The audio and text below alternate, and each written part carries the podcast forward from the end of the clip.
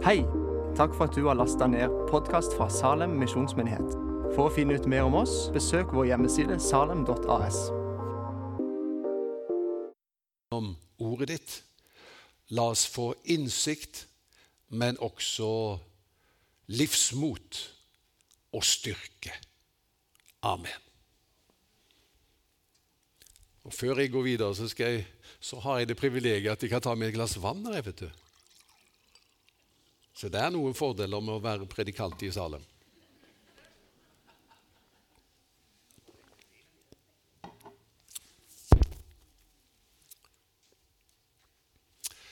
Nå skal du få tre lærepunkter om det som er vondt og vanskelig.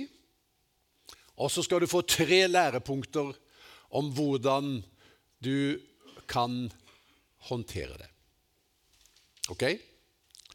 Tre lærepunkter om det som er vondt og vanskelig. Hvis du syns du hadde en vanskelig dag i går, så kan vi jo bare lese en gang til hva Jobb gikk gjennom. Så får vi jo et visst perspektiv på det. Men hva lå bak når Jobb opplever så mye vanskelig? Det som er punkt nummer én, det er at bak det onde finner du anklageren, djevelen. Fordi vi leser at anklageren kommer fram for Gud og sier han har streifet omkring på jorden, og så sier Herren la du merke til min tjener jobb, og så er det en samtale som pågår. Og så eh, står det at eh, anklageren gikk bort fra Herren, og det står i vers 12 og i vers 13 så begynner vanskelighetene i jobb sitt liv. Så det er ikke til å eh, lure på. Det er helt klart. Det vanskelige som skjer i Jobbs liv, det skjer som en følge av at anklageren er på ferde. Det er hans påfunn og verk. Gud står ikke bak det onde som skjer i verden. Da Gud hadde skapt verden, så ser han på det han har skapt, og så sier han det er godt. Det er såre godt. Det er veldig godt. Gud er god, og han har skapt en god verden. Så er det jo mye vanskelig i denne verden da, også. Og hvordan henger det sammen? I uh, Matteus 13 leser vi om uh, en lignelse om ugresset i åkeren.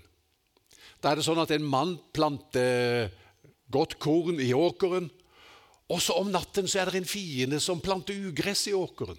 Så vokser dette opp, og så blir tjenerne til denne mannen som har plantet det gode kornet, forskrekket. Plantet du ikke godt korn i åkeren? Hvor kommer da ugresset fra?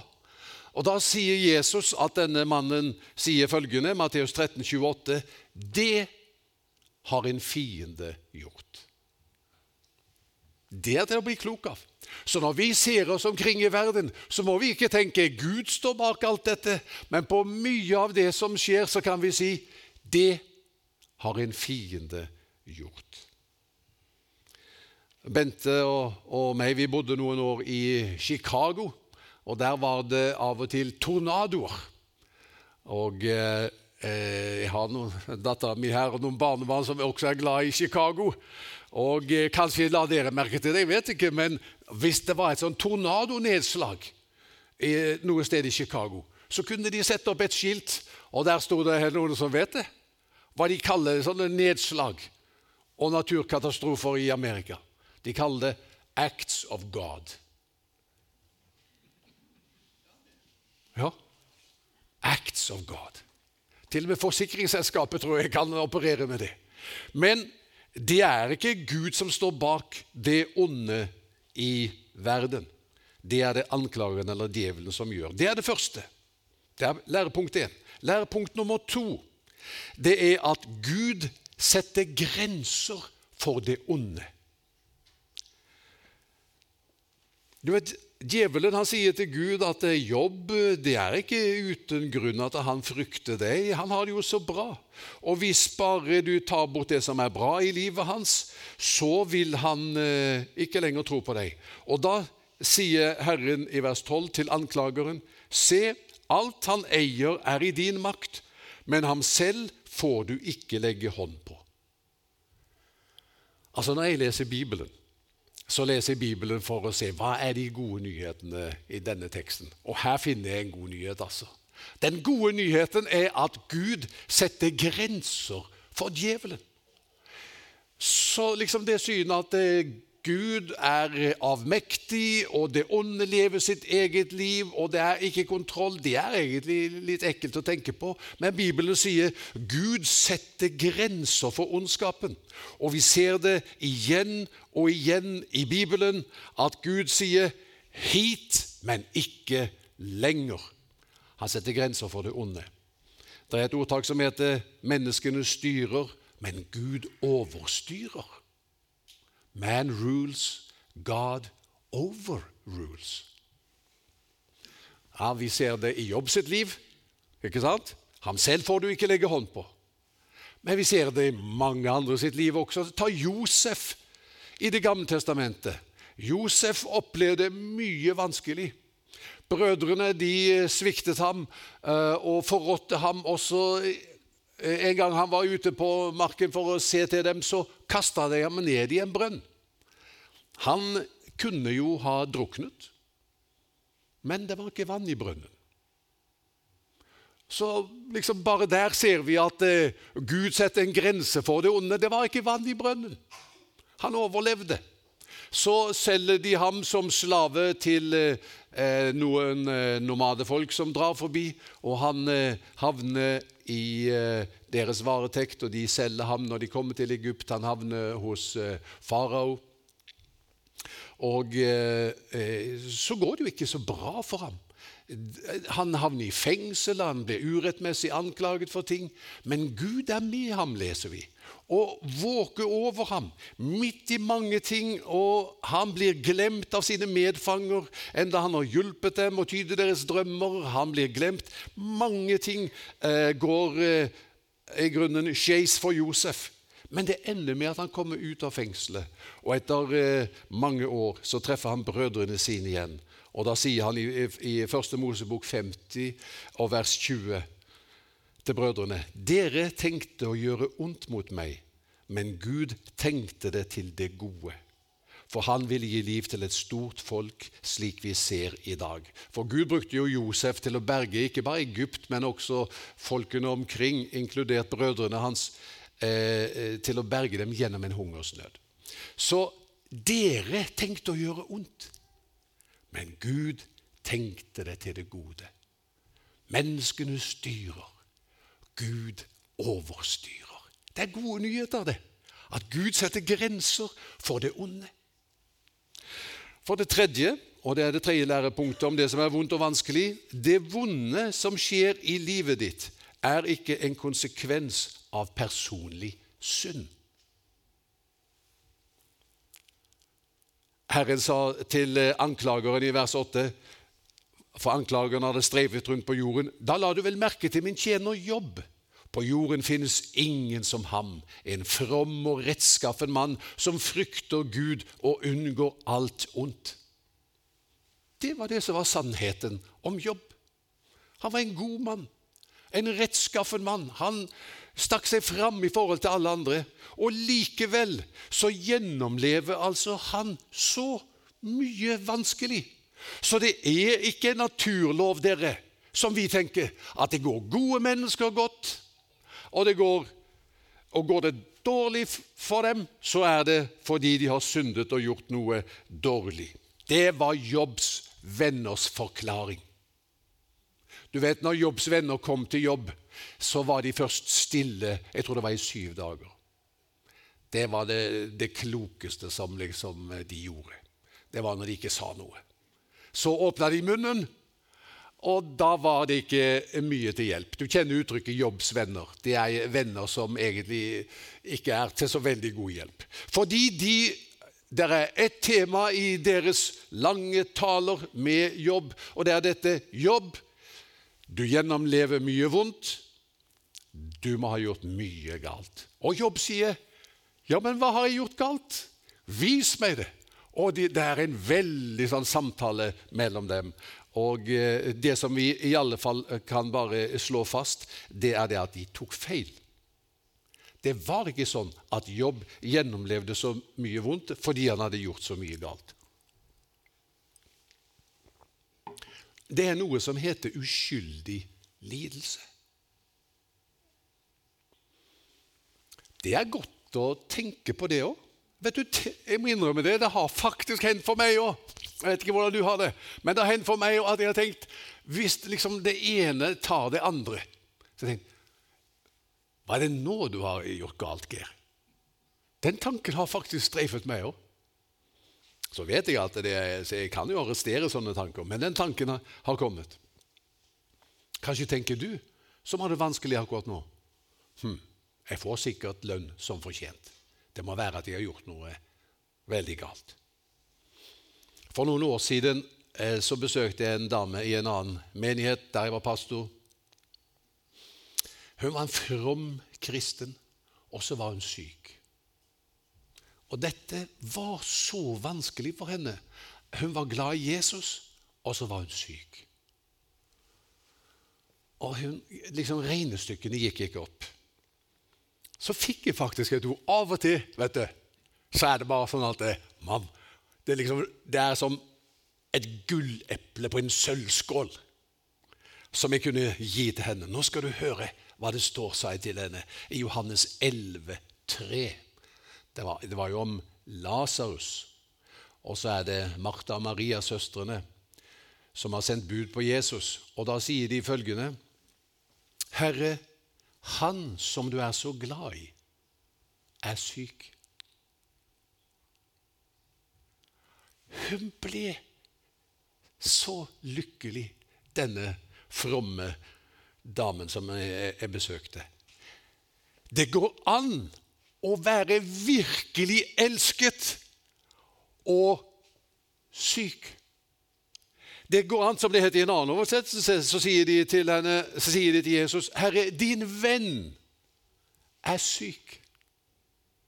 Det går altså an å være en Jesu venn og være syk.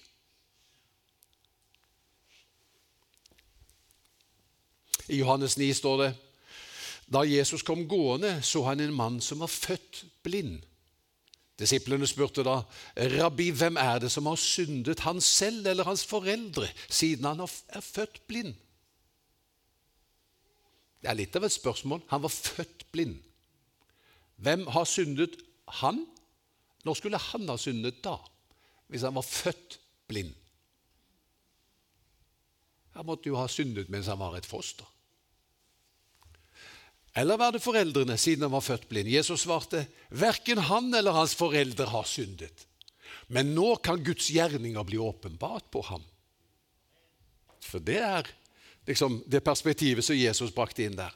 Ok, eh, Så nok om det. Vi lærer tre ting om, eh, om eh, det vonde og det vanskelige. Gud står ikke bak det som er vondt og vanskelig, lidelse, uskyldig lidelse. Eh, djevelen står bak det. Punkt to Gud setter grenser for det som er vondt eh, og, og, for lidelse. Og det tredje eh, det er at eh, eh, det er ikke en sammenheng mellom eh, å oppleve vonde og vanskelige ting og det at vi har gjort galt, har syndet. Okay? Så, det, så var det dette her. Hvordan skal vi håndtere det? Er det noen som har gått gjennom livet og ikke har møtt noe som er vondt og vanskelig? Nei, er, det, det, er liksom felles for oss. En dame som hadde det veldig vondt og veldig vanskelig, prøvde å få trøst hos, hos en dame, hos en venninne. Og når hun hadde fortalt hvordan hun hadde det, så sa venninna bare ganske tørt 'Velkommen til planeten Jorden'. Sånn er det liksom her. Ikke sant? Sånn er det. Det er vondt, og det er vanskelig. Men hvordan skal vi håndtere det? Da er det tre perspektiver som, som Jobbsbok gir oss. Og Det første det er samtalen mellom anklageren og Gud. Det er litt av et perspektiv. La oss lese det igjen. Anklageren svarte. Det er vel ikke uten grunn at Jobb frykter Gud. Har du ikke på alle vis vernet om ham, hans hus og alt han eier? Hans henders arbeid velsigner du, og budskapen hans brer seg i landet. Men rekk bare hånden ut og rør ved alt som er hans, så får vi se om han ikke spotter deg like opp i ansiktet. Det er litt av en anklage mot Gud. Det som djevelen sier, det er følgende. Hør godt etter. Han sier, du skjønner det, jobb. Han er ikke glad i deg, Gud, for det som du er i deg sjøl. Han tjener deg, Gud, fordi han får noe ut av det. Du skjønner, Det er ingen mennesker som er glad i deg for den du er i deg sjøl. Du har jo kjøpt dem, Gud. De tror på deg av de velsignelser du gir dem, og de gaver du gir dem, alt det gode du overøser dem med. Derfor er det jobb tror på deg. Du er ikke det viktigste for jobb. Det er velsignelsene som du gir ham. Du er bare et redskap for jobb til det gode liv. Og ta det bort fra ham, du, så tjener han deg ikke lenger. Da skal du si at da forbanner han deg. Det er perspektivet. Så djevelen han hadde jo en gang vært en høytstående engel. Nå hadde han forlatt Gud, og han hadde en tredjedel av englene med seg i fallet. og Han taler på vegne av seg sjøl og en tredjedel av englene og sier vi mener ikke at du er verdt å elske for den du er i deg selv, Gud. Og det er ikke annerledes med menneskene. De er bare glad i deg på grunn av det gode du gjør for dem. Så bare ta bort det gode, og så skal du se jobb kommer til å forbanne deg. Ok, sier Gud. Gå i gang. Men ham selv får du ikke røre. Ser du det perspektivet? Plutselig er det helt andre proporsjoner over det som Jobb gjennomlever enn enn bare dette at han selv har det vanskelig. Men det er liksom som hele himmelen følger med. Er det sånn at Jobb tjener Gud bare pga. gevinsten? Eller er han glad i Gud for den han er i seg selv? Da står det, da Jobb hadde gjennomlevd alt dette, så står det i vers 20 Da reiste Jobb seg, flerret kappen og klippet av seg håret. Han følte følelsene. Noen vil kanskje si at Jobb mistet seierne der. Jeg vet ikke om du har, om du har reagert sånn noen gang i møte med, med, vanskeligheter du har gått igjennom. Har du flerret kappen og klippet av det håret? Kanskje ikke. Men Jobb gjorde det. Men så leser vi han kastet seg til jorden og tilba. Han sa, 'Naken kom jeg fra mors liv, naken vender jeg tilbake.' Herren gav, Herren tok, velsignet være Herrens navn. Gjennom alt dette syndet ikke Jobb. Han krenket ikke Gud. Hele himmelen følger med. Og når Jobb gråter, flerrer klærne, klipper av seg håret, men likevel tilber og sier Naken kom jeg til denne verden, og naken skal jeg gå herifra men jeg tror på deg likevel. Velsignet er du, Gud. Da jubler man i Guds verden, og så er det mørkets rike som blir et kolossalt nederlag. Det er et perspektiv på lidelse som kan hjelpe oss, det også. Her har vi et tenkt eksempel. Her har vi en mann som han leder en bedrift. Jeg har bare prøvd å bruke fantasien, men det kunne skje, dette. Han leder en bedrift. Han er en bønnesmann. Han går på bønnemøter. Hver tirsdag klokka halv sju er han på bønnemøte. Så går det dårlig med bedriften. Han ber til Gud. Eh, det, det er liksom halvt av, av gårde. Han har uh, egentlig mange filialer, han har mange bygg. Han eh, Ja, det ser ut til å gå bra, men så gjør det ikke det. Han går konkurs. Og han har bedt. Og han har eh, fått de andre på bønnemøtet til å be. En dag så må han levere nøkkelen til alle de der eh, liksom, eiendommene til skifteretten. Det er en mandag. Snakk om altså den tyngste dagen i hans liv. Så er det tirsdag. Klokka nærmer seg Den er kvart over seks. Den nærmer seg halv sju. Hele himmelen følger med. Hva gjør han i kveld? Det er bønnemøte. Han setter seg i bilen. Ja, ja, han skal vel bare på en tur, sier man i mørkets rike. Oi, han kjører nedover eh, Nå er han visst i Kirkegata. Inn på bønnemøtet. Og så er han sammen med de andre. Kanskje har han flerret kappen og klippet håret, jeg vet ikke. Det er lov å sørge. Men han er der sammen med de andre. Og så sier han, 'Kan dere be for meg?' Dette er den tøffeste dagen i mitt liv, men vil dere be for meg? At jeg får hjelp til å komme igjennom dette. Det er en seier. Eller ta et annet eksempel. En dame som har uh, gjennomlevd masse herlig, hatt et nydelig liv. Egentlig hadde liksom vært rullet ut en rød løper. Men nå er mannen syk, og etter mye om og men så dør han. Hun er jo lovsangsleder. Det er søndag formiddag. Hun setter seg i bilen. Hvor skal hun i dag? Han kjører ned i Kirkegata. Møter de andre lovsangerne klokka ti. Og så synger hun en mollstemt sang. Der hun snakkes, det, det er tydelig. Hun gråter. Men også nå, sier hun, han er verd å elske. Jeg har så mange spørsmål. Regnestykkene går ikke opp i livet mitt, men han er verd å elske. For jeg tjener ikke ham pga. gevinsten som eh, det, det, fører med seg, men jeg tjener ham, for han er verd å elske for den han er i seg selv. Det er et perspektiv på lidelse. Så det andre perspektivet som vi må ta med oss også, som kan være til hjelp, det er eh,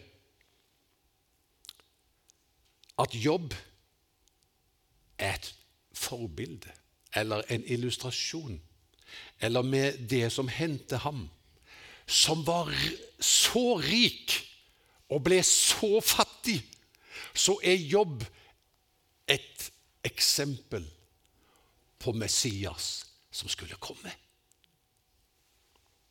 Det var jo en gruppe mennesker som hadde gjennomlevd mye vanskelig. Og Så møttes de en gang til konferanse for å trøste hverandre. Og så var det en som sa Gud har egentlig levd et veldig beskyttet liv. Han er i himmelen. Der er det så lyst, og det er bare godt. Men vi er her på jorda, og vi har gjennomlevd så mye tøft. Ja, var det en som sa. Gud burde prøve hvordan det er å være menneske. Han burde gått i våre sko, så han virkelig kunne erfare hva det vil si å være menneske. Ja, sa de, vi dømmer ham til å bli en av oss. Ja, sa en tredje, da synes jeg han skal bli født som jøde. Han var overlevende fra holocaust, han som sa det. Jeg synes han skal bli født som jøde. Ja, sa en annen, så bør han bli født i dypeste fattigdom. Han var fra India, han hadde levd hele sitt liv i den dypeste fattigdom. En sånn pariakaste tilhørte han. Han var regna som ingenting. La Gud bli født skikkelig fattig. Og så var det en som var båtflyktning. Han sa la han også på prøve hva det vil si å være flyktning. Ja, så var det en som har vært enslig hele sitt liv. La han også kjenne ensomheten som er knyttet til det å være enslig. da. Hele livet være alene. Det bør han oppleve. Ja, så var det en som sa hun var skilt. Hun hadde opplevd svik. Gud vet ikke hva svik er. La han, når han blir menneske, oppleve hva det er å være sviktet, forlatt av sine egne. De som han stoler på, la de vende ryggen til ham. Ja, sa en annen. Og så, han, så bør han oppleve uskyldig lidelse. La han bli anklaget for noe han ikke har gjort. La han gjennomgå en farse av en rettssak og bli uskyldig dømt til lovens strengeste straff. Et justismord. La han gjennomleve det. Ja, la han bli forlatt av Gud, var det en siste som sa. Plutselig ble det stille i flokken. Så skjønte de Gud har allerede sonet dommen. Jobb var rik, og han ble fattig. Han led uskyldig. Og i så måte så peker han altså med livet og erfaringene sine på Jesus, som var rik og ble fattig for vår skyld. Se på korset. Åse innledet med det. Se på korset. Så ser du at Gud vet hvordan du har det. Han er prøvd i alt, i likhet med oss. Han vet hvordan du har det. Jeg har jo fortalt dere før om eh, Joni. Eller kanskje det uttales Johnny, jeg vet ikke. Men i alle fall Joni Eriksson, Tada fra Amerika. Denne flotte tenåringsjenta var så glad i å svømme og stupe. Og så hadde hun ikke sjekket dybden engang. Et sted som hun ikke hadde badet før. Og når han skal stupe, så stuper hun i 50 cm med vann. Og brekker nakken og blir lam ifra halsen og ned. Joni. Så ligger hun der på, på sykesenga, og så har hun en venninne. Hun er jo en kristen Joni. Og eh, Venninna hennes er også en kristen, og så prøver hun å trøste, men det er jo forferdelig vanskelig. Og så er det at, eh, at hun eh, plutselig kommer på noe, denne venninnen. Vet du hva, Joni? Jesus vet hvordan du har det. Hvordan da? Ja, Jesus var også lam en gang. Han har også vært lam. Du er lam. Han har også vært det. Nei, sier Joni, han har ikke vært lam. Jo, han har vært lam da han hang på korset. Så vil, tror du ikke han ville bevege på armene? Han kunne ikke. Tror du ikke han ville beveget på beina? Han kunne ikke, han var jo spikret til korset.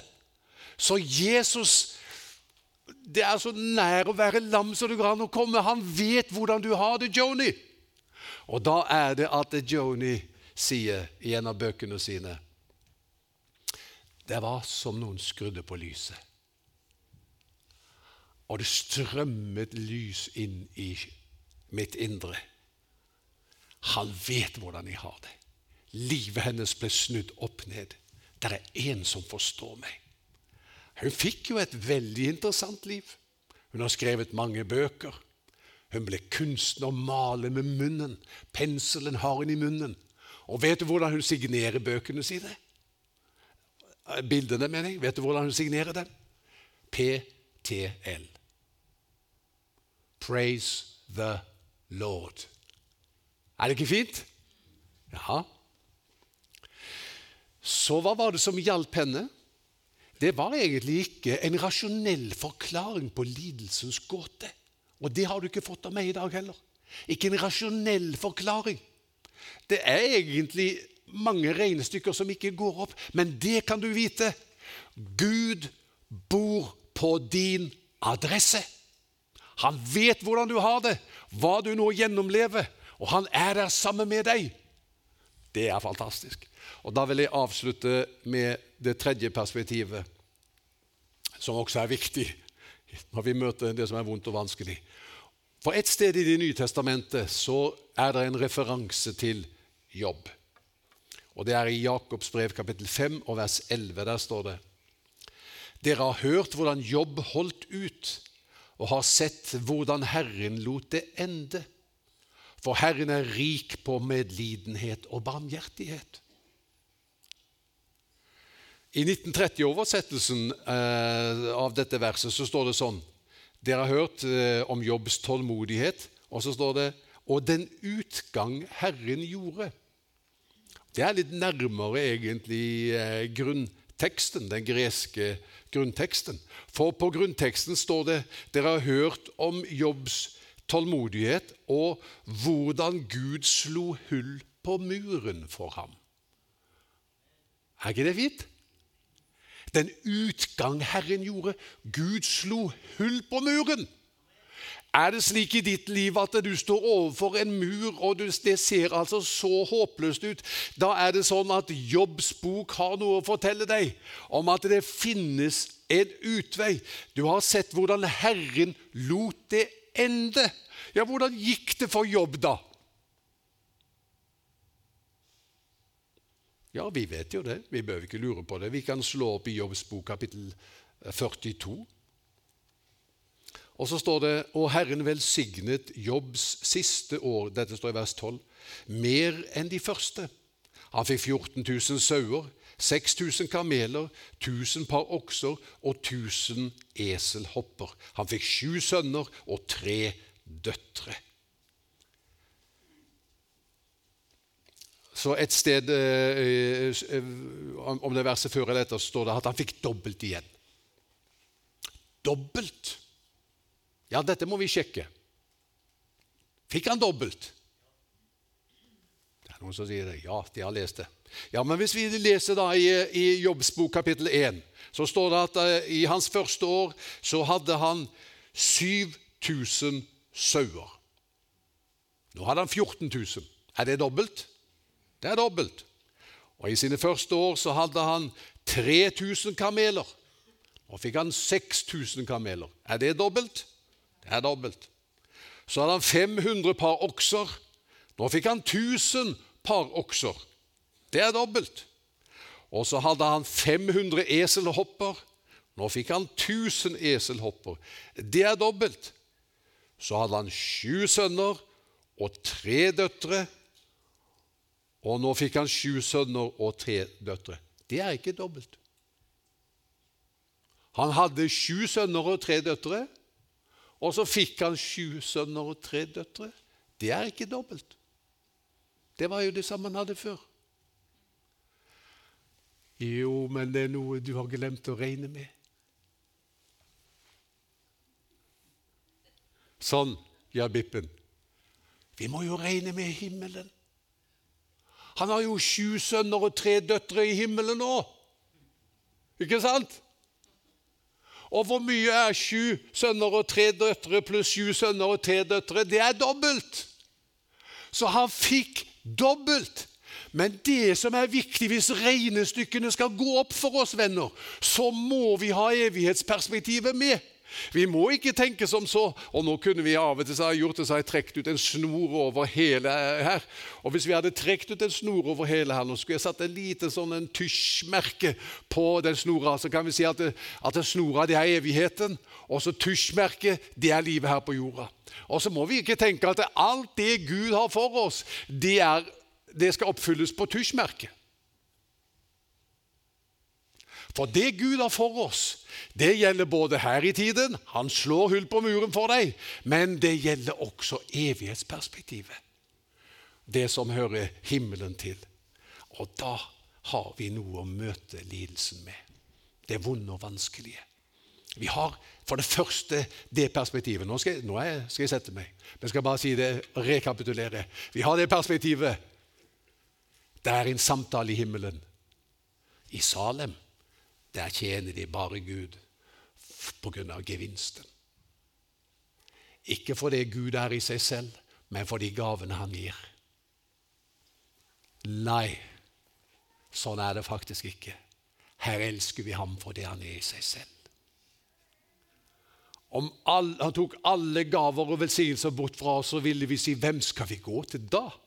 Om vi skulle gå bort fra deg? Du har det evige livsord. Ikke sant?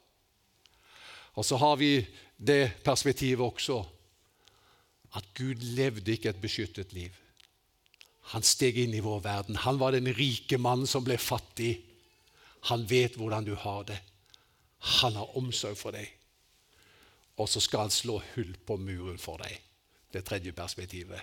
Jobb fikk dobbelt igjen. Han skal velsigne deg. Både her i tiden og i den tiden som kommer, skal vi be. Vi takker deg, Herre, for din godhet. Vi takker